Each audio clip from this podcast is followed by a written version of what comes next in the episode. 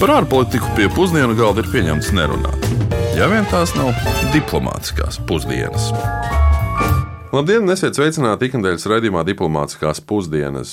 Šodien mēs kopīgi dosimies uz kādu valsti, kas atrodas Āfrikas dienvidos.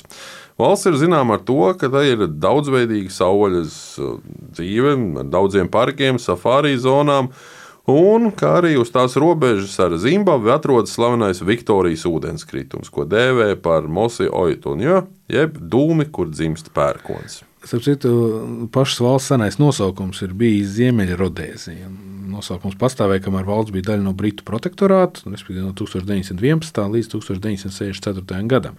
Un reģions tika nosaukts pēc Cecila Rodesa vārda, Britu imperiālista un kalnrūpniecības magnāta, kuram bija visnotaļ nozīmīga loma Āfrikas kolonizācijā kā tādā. Un, ja vēl neesat sapratuši, par ko mēs īsti runājam, tad turpinot par nosaukumu, tad 1964. gadā Ziemeļrodēza iegūta neatkarību no Lielbritānijas un kļuva par Zambijas republiku. Tātad mūsu šīsdienas valsts ir Zambija. Lēmumu par nosaukumu maiņu ietekmē vēlme apliecināt atsevišķu nacionālo identitāti un arī attālināt valsts no koloniālās pagātnes. Jaunais nosaukums Zambija tika atvasināts no Zambēzijas upes, kas tek cauri šai valstī.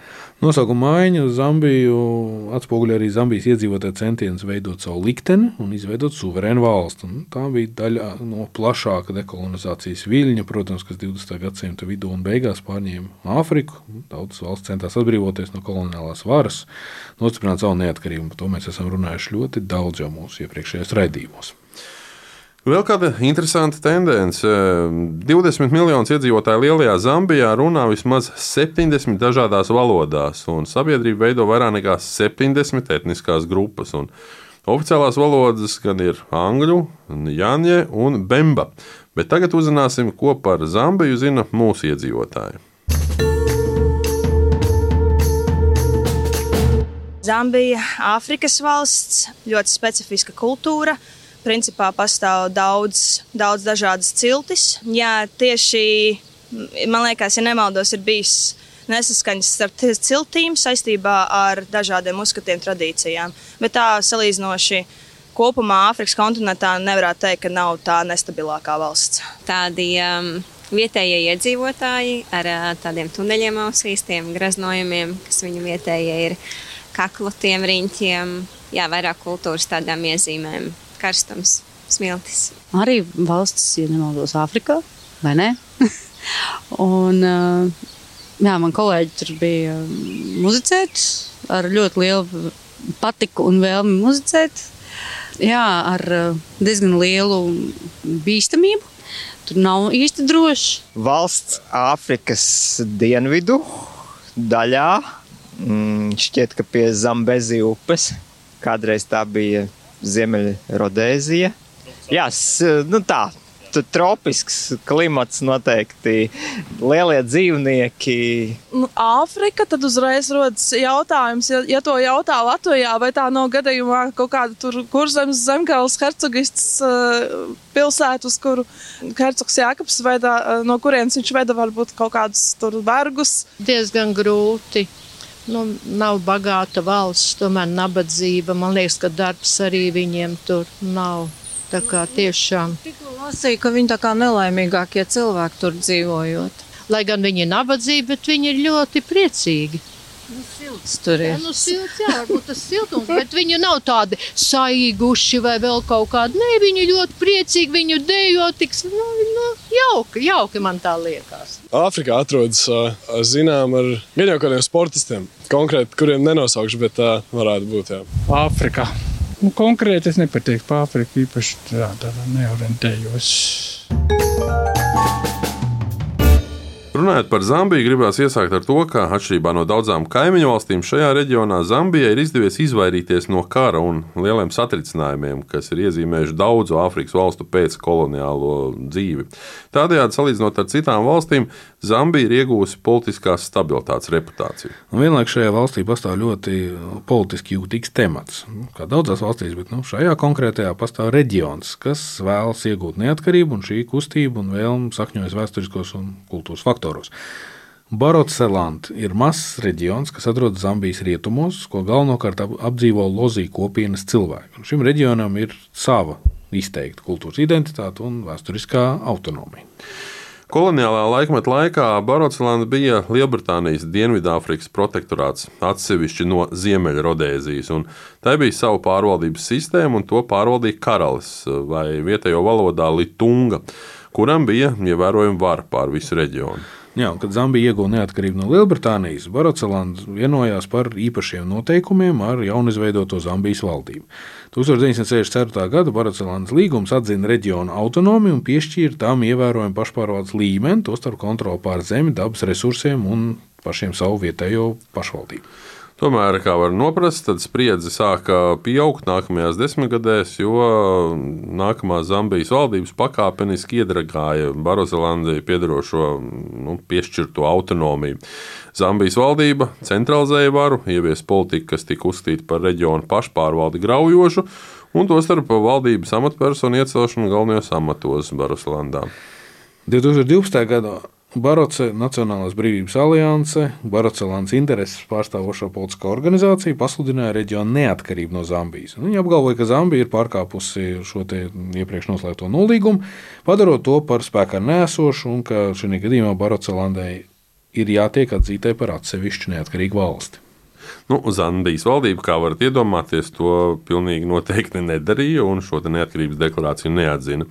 Tā vietā tā ir ieņēmusi stingru nostāju, uzskatot jebkādas diskusijas par atdalīšanos vai atbalstu neatkarībai par nelikumībām un draudu nacionālajai vienotībai. Valdība ir arestējusi un apsūdzējusi personas, kas ir iesaistītas šīs Baroslānas neatkarības aizstāvībā, radot arī vēl lielāku spriedzi un arī brīžiem nemierus. Tur, kur ir darbība, vienmēr būs arī pretdarbība. Un, uh, mūsdienās Barocelānas neatkarības jautājums joprojām nav atrisināts un joprojām ir politiskās spriedzes avots Zambijā. Lozija iedzīvotāji reģionā turpina apliecināt savu kultūras un politisko identitāti, pieprasot lielāku autonomiju un val- neatkarīgas valsts atzīšanu. Un Zambijas valdība tikmēr uzskata, ka teritoriālā integritāte ir jāsaglabā un diskusijas par atdalīšanos nav pieļaujamas esošā tiesiskā regulējuma ietvaros.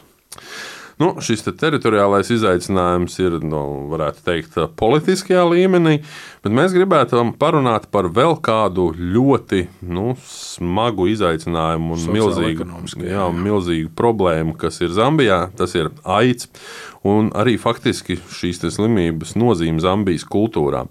Un par to mēs vairāk lūdzām pastāstīt kolēģim, žurnālistam Ansim Bogustovam, kurš savulaik pats Zambijā arī ir bijis. Zambija ir super neparasta zeme. Kaut vai tāpēc, vien, ka katrs ceturtais tās pilsonis ir, ja ne ar aici slims, tad uh, skarts. Tas ir, ka kāds ir ģimenē miris, attiecīgi bērns palicis bez apgādības vai kā savādāk. Kas principā nozīmē ļoti būtiskas problēmas politiķiem realizēt viņu varu. Nu, tām savukārt sakars visdrīzāk ar mm, izglītības līmeni un kultūru, kur ļoti lielā mērā ne tikai nu, katoliskā un protestantiskā kultūra ietekmē izpratni, bet arī tāda, ko sauktu par maģisko domāšanu vai daudzdievību. Nu, piemērs um, tiek uh, uzskatīts, ka ja gadienā tu esi ar aids slims, nu, tu vienkārši esi uzvedies nu, neatbilstoši varbūt rietumu izpratnē par monogāmām uh, attiecībām. Un tas arī ļoti izplatīts tieši jauniešu vidū. Viņi tādās transa dejās nonākot, savā ziņā sāk pēc tam nu, kopoties. Nu, tas kaut kas no tādiem varbūt senākiem laikiem, doties pirms cīņas uh, kādā bušmeņu ciematiņā pret otru ciematiņu. Viņi ieiet tādā tā kā transā, nu, tādā pašiedvesmā par to, ka uzvara nav nemaz tik neiespējama. Nu, un tad, lūk, šādas kultūras ietvaros, ja esi slims ar aids, tu principā vari šo problēmu atrisināt, pārguļot savukārt ar jaunavu, ar domu, ka slimību tādā veidā var, nu, gandrīz tā kā jāsaka, nomazgāt. Jūs iedomājieties, ar kādu ātrumu tādā veidā izplatās patiesībā šī slimība, kuru it kā bija doma ierobežot. Nu, tā rezultātā, lai arī valsts ir nabadzīga, principā pilnīgi visās uh, publiskās vietās, sākot ar toaletēm un pat uh, dažreiz lielveikalos, uh, tā kā mums būtu stāvējis Covid laikā dezinfekcijas līdzeklis, tu vienkārši redzi nu, tik elementāras lietas kā prezervatīvus vai nu, dažādas pamācības, rakstītas dažreiz pat lieliem burtiem uz sienām ar tādu saukļu veidu atgādinājumu. Tev nebūs, tā teikt, ar jebkuru pretimnācēju pārgulēt vai aic netiek izglābts caur, piedodiet, jaunavas izvarošanu.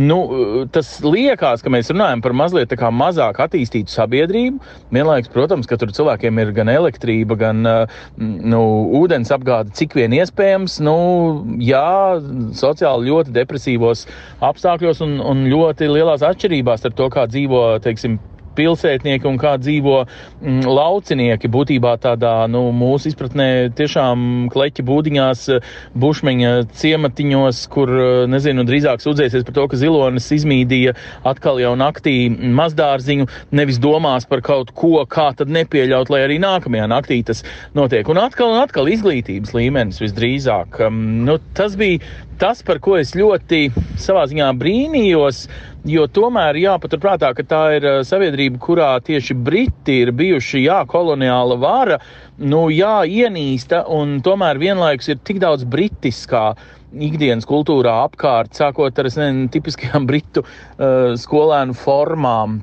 Beidzot, ar uh, tādu nu, vispār attieksmi pret kaut kādām mm, tradīcijām, ģimenē un, un, un sadzīvē. Uh, vienlaikus, nu, jāteic, tāds nacionāls pašlepnums izpaužas arī, nu, kā jau jebkurā laikam, salīdzinoši nabadzīgā Āfrikas sabiedrībā. Proti, ja esi baltais, tad automātiski esi, nu, ja tā var teikt, naudas maksas, kas jāizkrata. Nu, tas gan varbūt ir drīzāk mani novērojumi sabiedrībā, kurā, protams, nu, pārsvarā dzīvo melnādaini cilvēki un um, kaut kādā mērā jūtās tādā kā, es teiktu, otrais eh, kolonizētā sabiedrībā. Proti, labā ziņa priekš Baltiem cilvēkiem ir, viņi vairs nav galvenie kolonizatori. Galvenie kolonizatori šobrīd Zambijā ir ķīnieši. Ķīnas vēstniecībai ir vislielākā teritorija, visvarenākā ekonomiskā vara, savā ziņā arī lielākā cieņa. Jo gluži vienkārši Ķīna izpērk Zambiju, iemainot pret vienu autoceļu, teiksim, kādas nu, kapara raktuves vai citas lietas. Ķīnai viss ir vienkārši, tur nav nekādas vēsturiskas mm, attiecības vai kaut kāda slikta jušanās par līdzinējiem koloniālismu nodarījumiem. Mm, toties Ķīnai ir viss ir par naudu. Nu, Zambijai īsti nav kur likties, jo Zambija gluži vienkārši citu investoru nevar piesaistīt. Tā ir viena no nabadzīgākām sabiedrībām pasaulē, kurai, protams, visi parādi jau līdz šim nav doti un tiek drīzāk norakstīti, tā tad arī nākotnē netiks doti. Nu, ko, kur lai viņi dabūna, kā ne pie Ķīnas valdības, kur vienkārši iemaina to pret uh, totālu kontroli pār Zambijas uh, dabas resursiem un uh, skaistumiem. Protams, ka Viktorijas ūdenskritums ir kaut kas tik unikāls, kas, kā teikt, redzēt ūdenskritumu un uh, mirt, uh, nu, vienlaikus patiesībā pret to potenciālu, ko tas varētu nest šai valstī, uh, es teiktu, neizmantota pērle.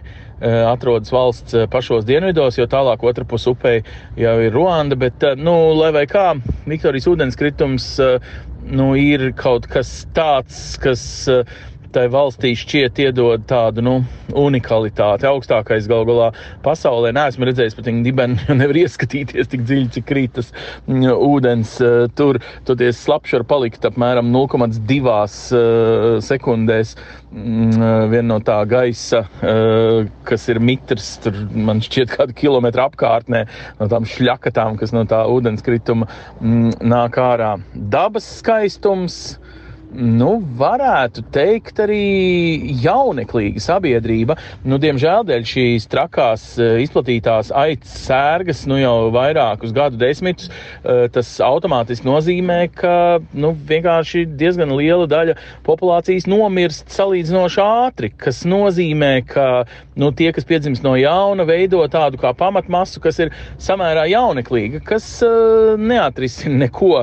Mm, izglītībā toties atrisina nu, roku darbā. Lielā mērā uh, valstī ļoti daudz kas vēl aizvien tiek darīts ar rokām. Nu, nezinu, sākot ar mēbeli no dzelzceļa koka, ko tu pat Eiropietis pacelt nevar, cik smaga viņi ir, bet to mēbeli ar rokām daudzas dienas strādājot ar viscietāko iespējamo koku materiālu dzelzceļa koku, ir apteicis cilvēks ar rokām. Nu, tāda izklausās pēc simts gadus vecas uh, situācijas kādā Latvijas um, uh, galdniecībā.